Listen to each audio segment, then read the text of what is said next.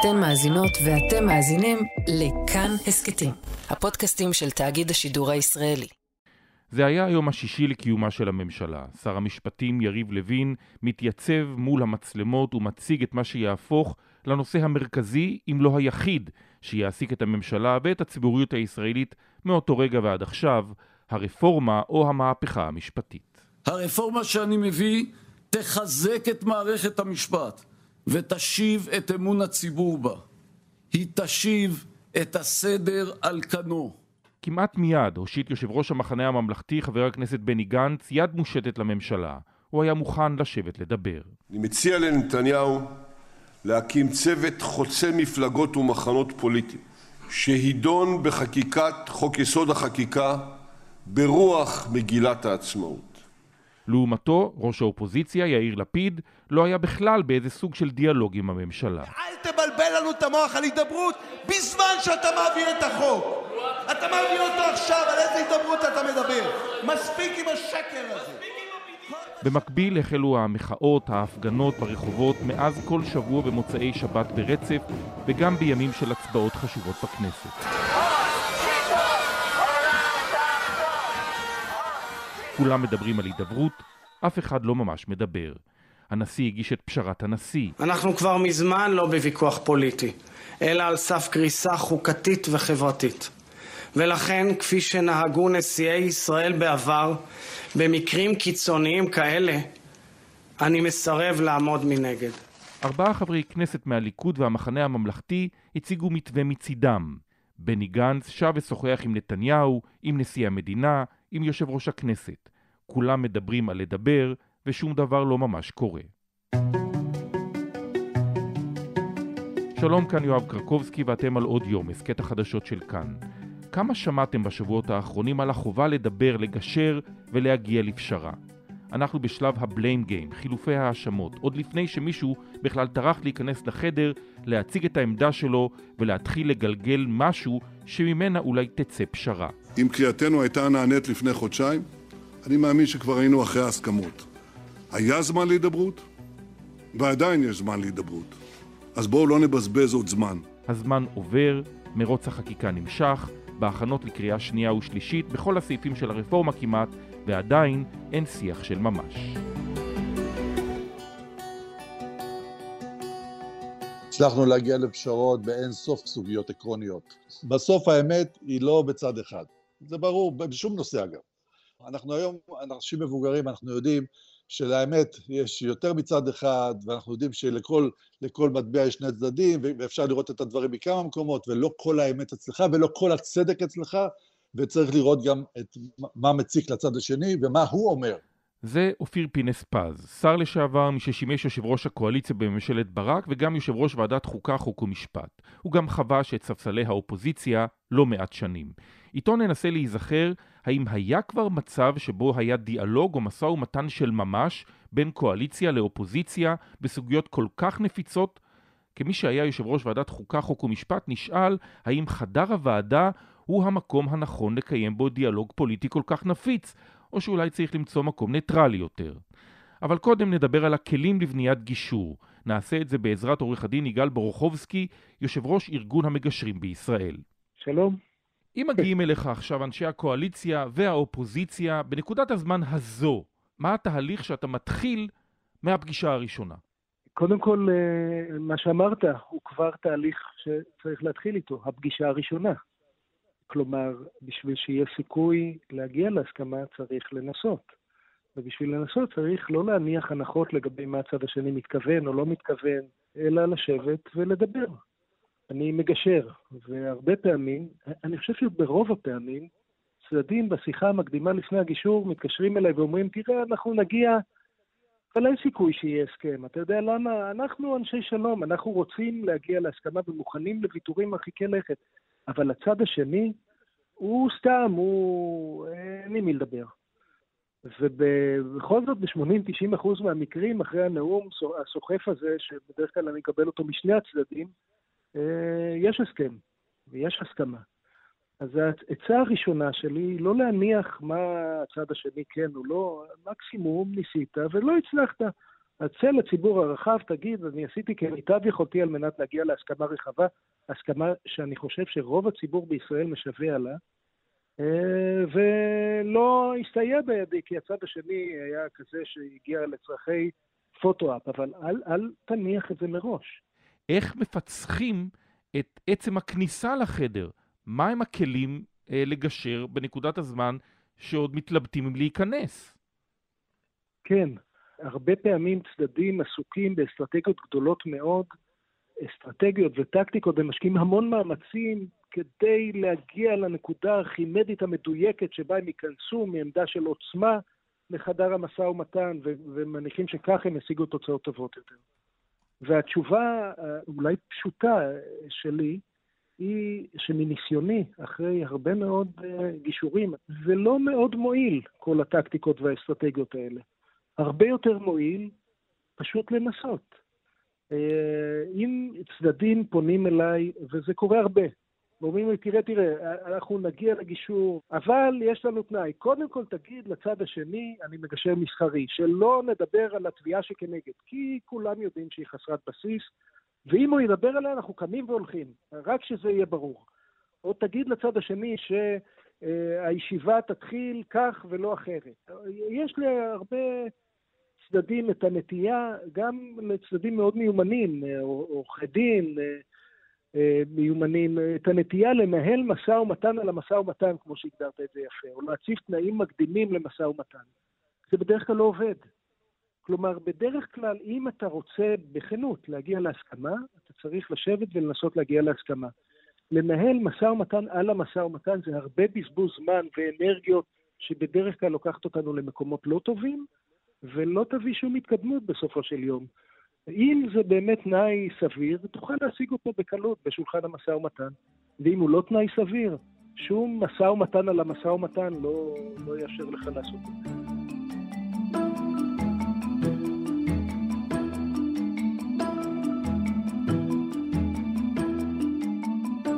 מה המפתחות הטובים ביותר לגישור מוצלח? תראה, כל גישור, כל גישור הוא עולם. גישור מורכב גם מעולם התוכן, במקרה הזה אנחנו מתווכחים על uh, המהפכה או הרפורמה המשפטית, כל, כל אחד יכנה את זה כמו שהוא רוצה, גם על uh, זרמי עומק שמתחת לעולם התוכן, כן ביבי, לא ביבי, הזרמים הזהותיים שמניעים, uh, יש לי תחושה, כל אחד מהמחנות מעבר לשאלת הרפורמה, וברובד העמוק ביותר יש גם אנשים שיש להם אגו ויש להם צרכים ויש להם אה, אה, רצונות, והרבה פעמים הם לא קשורים, לא לעולם התוכן וגם לא לזרמי העומק. אה, המפתח לגישור מוצלח הוא לזהות את כל הרבדים האלה, לראות מה באמת מניע אנשים. הרבה פעמים זה לא מה שהם אומרים שמניע אותם, הרבה פעמים זה אפילו לא מה שהם יודעים שמניע אותם, ולאפשר להם מתווה שלאט אה, אבל בטוח מייצר אמון בין הצדדים ומביא אותם בסופו של דבר למשהו שממקסם את האינטרסים ההדדיים של הצדדים. אגב, האינטרסים לא חייבים להיות אה, זהים. כלומר, זה לא zero sum game, זה לא שכל מה שהצד השני מרוויח אני מפסיד. לדוגמה, uh, האינטרס של, אני חושב, המחנה המפגין, הוא כרגע לנסות ולייצר אה, רפורמה משפטית שהוא יכול לחיות איתה.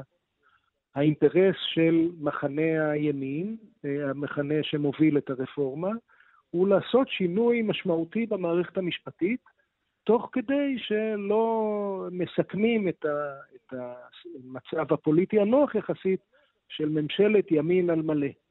שאולי יש בהפגנות אה, משהו שמסכן את, את הניצחון הסוחף בבחירות.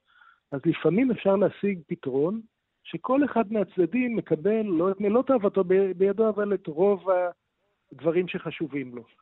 אז לסיכום, התשובה אה, לשאלה המאוד גדולה שלך, לזהות היטב את הצרכים של הצדדים, הצרכים הנאמרים ואלה שלא נאמרים, המודעים והלא מודעים, ולנסות ולייצר תוך כדי בניית יחסי אמון פתרון שעונה על עיקר מה שכל אחד מהצדדים צריך. יגאל, מהניסיון שלך, האם אתה חושב שאפשר לגשר בפער כל כך עמוק בין שני הצדדים, כמו בנושא הזה של הרפורמה המשפטית? אני חושב, חד משמעית כן. אני קודם כל אופטימיסט בלתי נדלה, בגלל זה אולי הפכתי להיות מגשר. אבל במקרה הזה, אני לא רואה פערים כל כך עמוקים במהות. אני רואה פערים עמוקים ברטוריקה, בזרמים הזהותיים, אבל במהות גם אה, הרבה מהמפגינים מסכימים שנדרשת רפורמה במערכת בתי המשפט. גם אלה שמובילים את הרפורמה מסכימים ואפילו אמרו במפורש שנדרשים תיקונים לרפורמה שהם מציעים, וזה בדרך כלל בסיס לא רע למשא ומתן. אני חושב שמה שחסר במשא ומתן זה שיח ענייני שמגיע מיחסי אמון. כל צד צריך להאמין שהצד השני כנה גם בדאגה אה, למדינת ישראל, ברצון שלו שזה יצליח, וגם בשיח שלו הענייני. כלומר, אה, אנשי המפגינים אה, אומרים, אנחנו לא נשב עם יריב לוין ועם רוטמן, כי הם רק רוצים פוטו-אפ, הם לא באמת רוצים להסכים איתנו, הם לא מאמינים בכנות של הרצון אה, לשבת. אני חוזרת וקוראת לחבריי באופוזיציה, לא לשאת ולתת עם נתניהו על הדמוקרטיה שלנו. לא בתמורה לעצירת החקיקה ולא בתמורה לשום דבר אחר. ואנשי הרפורמה אומרים, ההפגנות הן אה, בכאילו על הרפורמה, זה רק תירוץ שהם אה, תפסו הפעם, מה שהם באמת רוצים זה להחליף את הממשלה, הם לא מאמינים בכנות של הדאגה אה, מפני הצעדים הספציפיים האלה, הם חושבים שזו כסות. ערב פורים זה זמן מצוין להסרת המסכות. יש אנשים שמתנגדים לרפורמה מסיבות טובות, מוצדקות, לא מוצדקות, טועים, צודקים, זה ממש לא משנה. הם מתנגדים לרפורמה, וזה בסדר גמור, וכך עובדת דמוקרטיה. ויש אנשים שמנסים לעשות דה-לגיטימציה לממשלה נבחרת ולבחירה של הציבור. ואז הם מתחילים לטעון טענות מן הגורן, מן היקב, מן הצמח, במקרה שמעלים סקרים. מי זה האנשים האלה שעושים לכם דה-לגיטימציה? ואנשים, ואנשים... מי הם? יש למשל חלק מראשי האופוזיציה, למשל, חלק מהאנשים שקוראים לסרבנות. אנחנו צריכים קודם כל להביא את הצדדים לניהול שיח ענייני. אחרי שנביא אותם, אני חושב שהפתרון הוא ממש בהישג יד, ונשיא המדינה די התקרב אליו. מצד אחד, אנחנו קרובים מתמיד לאפשרות של מתווה מוסכם. יש הסכמות מאחורי הקלעים על רוב הדברים. הם הגיוניים והם סבירים. ומצד שני, עכשיו זה תלוי במנהיגות הלאומית שלנו, בקואליציה ובאופוזיציה, שיצליחו להתעלות לגודל הרגע, שיבינו את האלטרנטיבה הנוראה שצופנת בחובה הסיטואציה מעבר לדלת, שישימו את המדינה ואת האזרחים מעל הכל ויממשו את הרגע החוקתי המכונן הזה שאנחנו נמצאים בפניו ויכולים לממש אותו. אז הנשיא, נשיא המדינה יצחק הרצוג, שלקח על עצמו את מלאכת הגישור והפשרה. המתווה שאני פועל לגבש נותן מענים לשני הצדדים, לשאיפות של שני הצדדים. הוא הדמות הנכונה שאצלו אמורה להגיע, להתיישב הפשרה הזאת, הוא כל הזמן אומר שאנחנו נורא מתקרבים. הדמות הנכונה היא מישהו ששני הצדדים חושבים שהיא הדמות הנכונה. מספיק שאחד מהם לא מאמין בכנות או ביכולות של המגשר כדי להפוך את המגשר ללא מתאים, אפילו אם הוא נפלא כשלעצמו.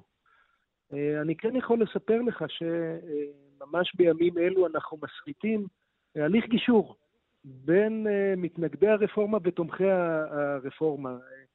אה, מזוהים פוליטית, רק כדי להראות איך זה אמור להיראות כשמדברים באופן ענייני אה, בהליך גישור. אה, ובהקשר הזה לפעמים אתה צריך לכבד את הרצון של הצדדים או את הנוחות של הצדדים במגשר שהם סומכים עליו, ובוודאי שבמדינת ישראל יש מישהו, לפחות אחד, מגשר לפחות אחד, ששני הצדדים חולקים לו כבוד וחושבים שהוא מגשר ניטרלי, ראוי. שיחות כאלה, יגאל, צריכות להיעשות בפרופיל גבוה, או דווקא מאחורי הקלעים, מול מצלמות או בחדרים סגורים? בדרך כלל יופיו של הגישור הוא שהוא נעשה בחדרים סגורים וכל מה שנאמר בו סודי, והעולם החיצון חשוף רק לתוצאה. הגישור הצליח או הגישור לא הצליח. מניסיוני זה, אה, זו הדרך הטובה ביותר להצליח בעיקר בגישורים מורכבים. אבל הואיל ויש לנו כאן שחקנים פוליטיים, והסיכוי שמישהו מהם אה, ידליף אה, מחדר המשא ומתן או מחדר הגישור, הוא קיים. אה, כמו שאמרתי, צריך לבנות, לעבוד די קשה על לבנות את יחסי האמון האלה.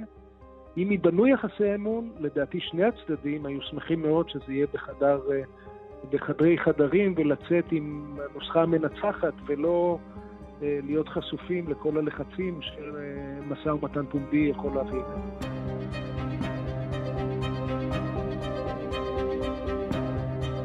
יגאל בורוכובסקי, תודה רבה לך. תודה לך. עכשיו ננסה להסתכל אחורה ולהיזכר. האם היו ימים שבהם היה אפשר לדבר ולהגיע להסכמות בין שני צידי המתרס בסוגיות כל כך מהותיות? נדבר עם מי שהיה שם, כיושב ראש קואליציה וגם כיושב ראש ועדת חוקה, חוק ומשפט, חבר הכנסת והשר לשעבר, אופיר פינס פז.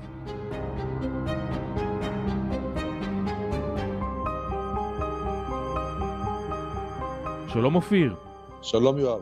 הידברות בין קואליציה לבין אופוזיציה זה דבר שנדרש? היית יושב ראש קואליציה, נדרשת למשא ומתן עם האופוזיציה בעניינים של חקיקה שהממשלה לפעמים מתקשה להעביר?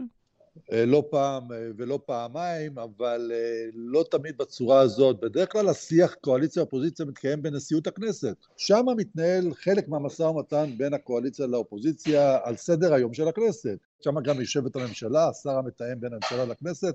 זה הפורום המסודר ש, שנקבע לעניין. איפה עוד מתקיים משא ומתן? בוועדת הכנסת. אתה יכול להגיש ערעורים על החלטות נשיאות הכנסת לוועדת הכנסת, וגם שם מתנהל סוג של שיח כזה או אחר בין קואליציה ואופוזיציה על נושאים שעל סדר היום.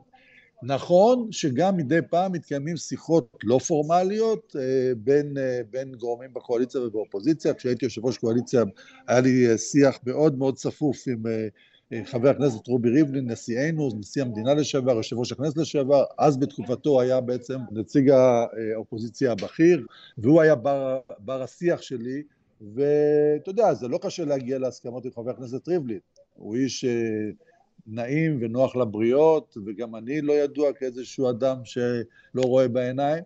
אז אה, בינו וביני הגענו בהרבה מאוד נושאים להסכמות, אה, להסכמות שאפשרו בעצם לכנסת לתפקד, כי שנינו ראינו קודם כל ולפני הכל את טובתו של המוסד שאנחנו מייצגים, שזו הכנסת.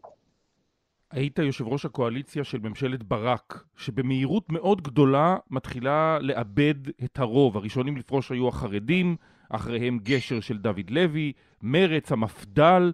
מה הכלים שהיו לך כיושב ראש קואליציה בכלל להידבר עם הצד השני? טוב, זה בכלל היה מצב אחר. אה, המצב היה בעצם, כמו שאתה מתאר, מצב של התפרקות כמעט מההתחלה. אה, על רקע שורה של עימותים אגב שלא צמחו בכנסת אלא צמחו סביב שולחן הממשלה. לצערי ברק, אה, ראש הממשלה ברק היה ראש ממשלה טרי, היה גם יחסית טרי בפוליטיקה, והוא מצא את עצמו בריב ומדון על כמעט כל דבר, מפרשת המשכן שאתם זוכרים אותה, שזו פרשה מטורללת, שבעצם התחילה לפרק את הקואליציה על איזה משכן שצריך לעבור באיזה יום שישי בערב, אז זה התפרקה, התחילה, התחילה להתפרק ממשלת ברק, והקואליציה של ברק. דרך אה, כמובן המשא ומתן המדיני, שזה היה באמת אה, גולת הכותרת של הפעילות של ברק, וזה אני אומר לזכותו, ו, והוא חשב שהוא יצליח להחזיק את, ה, את המפד"ל, מה שהיה בזמנו בתוך הקואליציה, זה זה שהוא יזרים להם תקציבים גדולים להתנחלויות, או למה שעניין אותם, תמורה לזה שהם יאפשרו לו להתקדם באפיק המדיני, אז אה, באיזשהו שלב הבנו שהם לוקחים את הכסף, אבל הרבה תמיכה מדינית הם לא נותנים. אה, זה לא החזיק מים, הם לא יכלו בעצם אה, לאפשר, הם לא, לא רצו לאפשר לברק להתקדם באפיק המדיני עם קלינטון וערפאת, והעסק די התפרק, אה, די התפרק בעצמו, היה קשה מאוד להחזיק את זה. עכשיו, מה שעשיתי בכנסת, בעצם בכנסת לא היה לי רוב, בניגוד לקואליציה הזו, שהיא מאוד מאוד מאוד ממושמעת, ונשמעת לראש הממשלה ולעוד שניים, שלושה מנהיגים מקסימום, וכל היתר חיילים. אצלנו היה קשה מאוד להחזיק את זה, כי הכל היה בהתפרקות, כל סיעה עשתה מה שהיא רצתה, רצו להיכנס, לא רצו להיכנס, כן הצביעו, לא הצביעו, חופש הצבעה, כל הסיפורים המוכרים של התרופפות משמעת והתרופפות השורות, ולכן אני בעצם חייתי משבוע לשבוע, לא משבת לשבת כמו בכדורגל, אבל משבוע לשבוע, וניסיתי להחזיק את הקואליציה, את הראש של הקואליציה מעל המים, להפסיד כמה שפחות הצבעות בימי רביעי, לנסות למשוך את הזמן ולשמור על, ה- על הקואליציה שלא תפסיד באי אמון בימי שני. אבל מה הכלים שבכלל ניתנו לך, אם בכלל, כיושב ראש קואליציה, כדי להידבר עם הצד השני, כדי להשאיר באמת את הקואליציה עם הראש מעל המים? קודם כל נעזרתי באופוזיציה, יותר מאשר בקואליציה. צריך להגיד את האמת.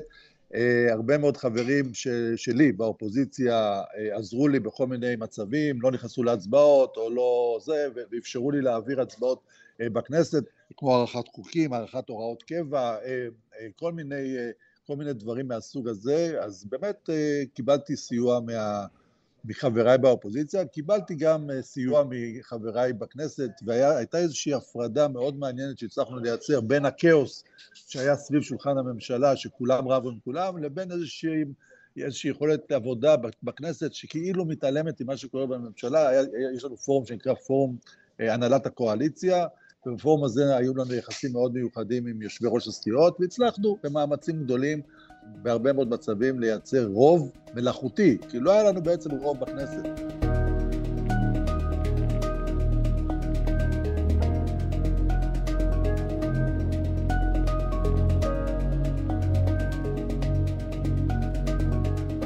אנחנו עכשיו בסיטואציה שמפלגת את הציבור אולי באופן תקדימי. אתה זוכר מחלוקות עקרוניות שחילקו את הציבור בדרך כזו והצריכו הידברות של שני האגפים של קואליציה מול אופוזיציה?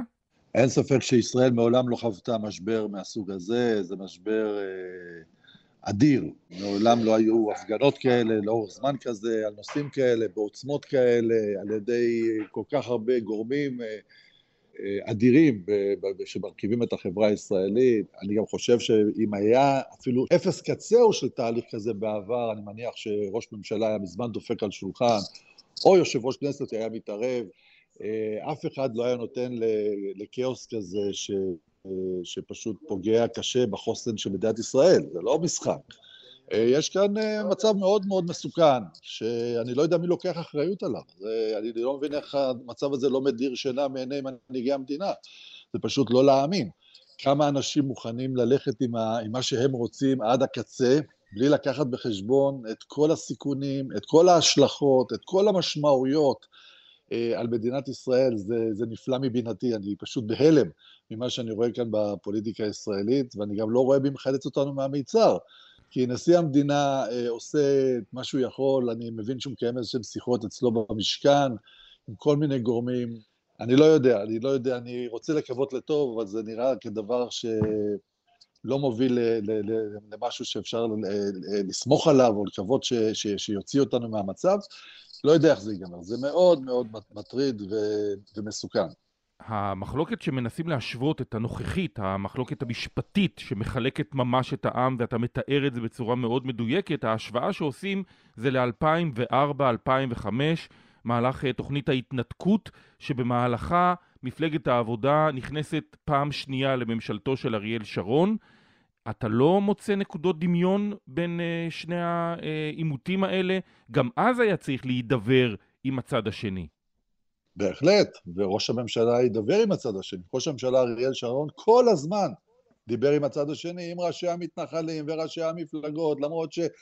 אה, מה לא אמרו עליו, ומה לא כתבו עליו, ומה לא... עדיין, הוא, הוא מצד אחד רצה, רצה להגשים את התוכנית שלו, הוא האמין בהתנתקות, מצד שני, הוא כל הזמן, כל הזמן שמע והקשיב ושינה ויצר ועזר ו, ופיצה בכספים ובדברים אחרים, והקים יישובים במקום, ומה לא היה. רוב הציבור הישראלי אז היה נגד התכליות ברצועת עזה. רוב הציבור הישראלי תמך תמיכה גדולה בפינוי ההתנחלויות מעזה. זה המצב היום? אחרי שסיימת את תפקידך כיושב ראש הקואליציה, אחרי קריסת ממשלת ברק וכניסתה של מפלגת העבודה לממשלת שרון הראשונה, אתה יושב ראש ועדת חוקה, חוק ומשפט. האם האופן שבו מתנהלים הדיונים היום בוועדת החוקה מזכירים לך משהו ממה שהיה כשאתה ישבת על הכיסא ששמחה רוטמן יושב עליו היום. כמובן שלא, זה, זה פשוט, זה נראה אחרת לגמרי, אבל אני רוצה להתעכב על משהו אחר ברשותך שהיה בוועדת חוקה בתקופתי. היה איום גדול מאוד מצידו של חלק מהימין הישראלי שרצו לחוקק בית משפט לחוקה שהיה אמור להחליף את בג"ץ. סוג של רעידת אדמה משפטית, בלי שום ספק. אמנם לא כל המהפכה המשפטית שהיום מציעה הממשלה, אבל, אבל בהחלט נדבך מאוד מאוד מאוד משמעותי. ואנחנו, אני הייתי אז יושב ראש ועדת חוקה, החוק הזה עבר קריאה טרומית, הגיע אליי, ואני באמת אה, בכוחות משותפים, אני קודם כל עם אריאל שרון, שהיה ראש ממשלה, היינו בממשלת אחדות, ואריאל שרון הנחה את הליכוד, קודם כל להתנגד לבית משפט לחוקה, להקמת בית משפט לחוקה ולדריסת בג"ץ. ו- ולמרות שבזמנו, והיו שם חברי כנסת, צ'יטה כהן שהוביל את הצעת החוק, ועוד חברי כנסת מהימין, אה, אה, אנחנו התייצבנו, מפלגת העבודה, גם הגיע, אה, ביקשתי משר המשפטים להתייצב, ואז בזמנו מאיר שטרית, וכמובן הזמנתי את הנשיא ברק להשתתף בישיבה, בישיבת הכנסת. שאלו אותי, למה אתה מזמין את ברק? גם שאלו אותי עכשיו, לא מזמן, איך הזמנת את ברק? אמרתי, הזמנתי את ברק, משום שברק מייצג מערכת משפטית שהייתה אמורה להיפגע מהחקיקה. תמיד נהוג בוועדות הכנסת להזמין לדיונים גורמים שעלולים להיפגע מחקיקה צפויה של הכנסת. אגב, אם רוטמן היה מייצר אווירה שהכל פתוח ולא הכל סגור. אצלי את כל, הכל הדיונים היו פתוחים, לא, הייתי, לא, הייתי, לא היה לי ברור שיש לי רוב בשום שלב, וגם הרוב בסופו של יום היה שמונה שבע אה, נגד, נגד הצעת החוק הזו. זאת אומרת, הדברים היו נזילים, אנשים היו, היו, היה להם שיקול דעת, אנשים אה, חשבו, התלבטו לפני שהצביעו, לכן היה גם טעם שיבוא אהרון ברק וינסה לשכנע בצדקתו. אין טעם להביא היום את נשיאת בית המשפט העליון לוועדת חוקה כי היא תדבר ללמפות, היא תדבר לקירות. זה לא משנה מה היא תגיד, כל חברי הכנסת של הקואליציה כאיש אחד יצביעו על כל דבר שרוטמן יביא בפניהם נקודה סוף סימן קריאה. אני לא מכיר כנסת כזאת.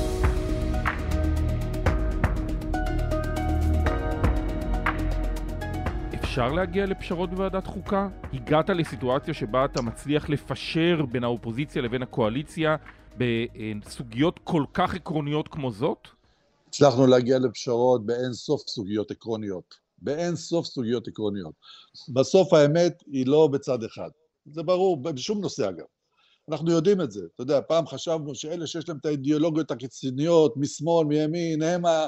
הרצנו אותם. בוא, אנחנו היום אנשים מבוגרים, אנחנו יודעים שלאמת יש יותר מצד אחד, ואנחנו יודעים שלכל מטבע יש שני צדדים, ואפשר לראות את הדברים מכמה מקומות, ולא כל האמת אצלך, ולא כל הצדק אצלך, וצריך לראות גם מה מציק לצד השני, ומה הוא אומר. ובוודאי שאפשר לעשות כאן דברים שאפשר להגיע להם לפשרה. אני אגיד לך למה אפשר. קודם כל, כי יש הסכמה, גם על אדם כמוני, שתמיד, תמיד, תמיד תמך במערכת המשפט הישראלית כעצמאית וחופשית וחזקה ואיכותית, אני אומר שיש דברים שצריך לתקן והיו צריכים לתקן גם קודם, אבל לתקן ממקום טוב, לא ממקום רע, לא להרוס. אבל אם רוצים, בוודאי שיש על מה, אפשר לדבר על, על תיקונים, על דברים שאפשר לעשות. למשל, זה ברור שלא הגיוני שכל ערכאה שיפוטית יכולה לפסול חוק של הכנסת, המצב הנוהג היום. לא הגיוני, אמרנו את זה גם לפני עשר שנים. אפשר, צריך לתקן את זה לפני עשר שנים. רק בית משפט עליון, כך הדת אומרת, יכול לבטל חוק של הכנסת. לא בית משפט מחוזי ולא בית משפט שלום וכדומה וכדומה. זה דבר מובן מאליו, יש עליו הסכמה של 100, 120 ח"כים. אני יכול לתת לך עוד הסכמות פחות אה, קלות מזו, אבל עדיין שאפשר להגיע אליהן. בוועדה למינוי שופטים, אוקיי? אפשר להרכיב, להשאיר את הרכב הוועדה כפי שהוא כהרכב מקצועי, ההרכב הוא יחסית מקצועי, אגב, אני אומר יחסית מקצועי כי יש בו הרבה אלמנטים פוליטיים גם היום, אבל אני אומר, אפשר להשאיר את ההרכב כפי שהוא ואת הנוהגים כמו שהם, אבל לבוא ולהגיד, מה חסרים? חסר ייצוג? בבקשה, אפשר לקבל החלטה שהשופטים הבאים בבית המשפט העליון, אה, הבאים בתור, יהיו רק חרדי, אה, יהיה, יהיה אה, מזרחי, יהיה ערבי, רוצים לייצר יותר ייצוג, בבקשה, אפשר להגיד שהשופטים הבאים יהיו מאלה הכי, הכי טובים, הכי איכותיים, הכי מתאימים, אבל מהקבוצות בתוך הציבור הישראלי שהן חסרות ייצוג למשל בבית המשפט. אני מסכים לזה. לא צריך בשביל זה לשנות את הוועדה למינוי שופטים. זה תיקון. לא צריך בשביל זה לשבור את הכל, להפוך את הוועדה למינוי שופטים לוועדה למינוי שפוטים, לעורכי דין שקשורים לשלטון, הרי זה הזיה. לשם אתם רוצים שנגיע, שאף אחד לא יאמין בבית המשפט העליון? אם יש טענה על, על ייצוג חסר בבית המשפט העליון, אפשר לתקן את זה גם בהרכב הוועדה הנוכחי, למשל בדרך שאני הצעתי עכשיו.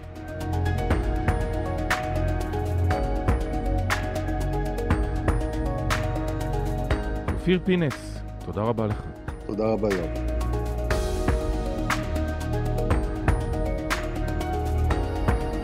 האזנתם לעוד יום, עורך דניאל אופיר, עיצוב קול ומיקס חן עוז, ביצוע טכני שמעון דוקרקר, בצוות האורחים יותם רוזנבלד. היה לכם מעניין? אז קדימה, תשתפו את הפרק. אם אתם מאזינים לנו ב Spotify או ב Apple Podcast, נשמח אם תיתנו לנו דירוג גבוה. הערות על מה שאמרנו אתם מוזמנים ומוזמנות לכתוב בקבוצת כאן הסכתים בפייסבוק, אפשר גם בחשבון שלי בפייסבוק או בטוויטר שלי. פרקים חדשים של עוד יום עולים בכל יום ראשון, שלישי וחמישי, את כולם וגם הסכתים נוספים מבית כאן תוכלו למצוא בכל מקום שבו אתם מאזינים להסכתים שלכם או באתר שלנו. כאן יואב קרקובסקי. נשתמע.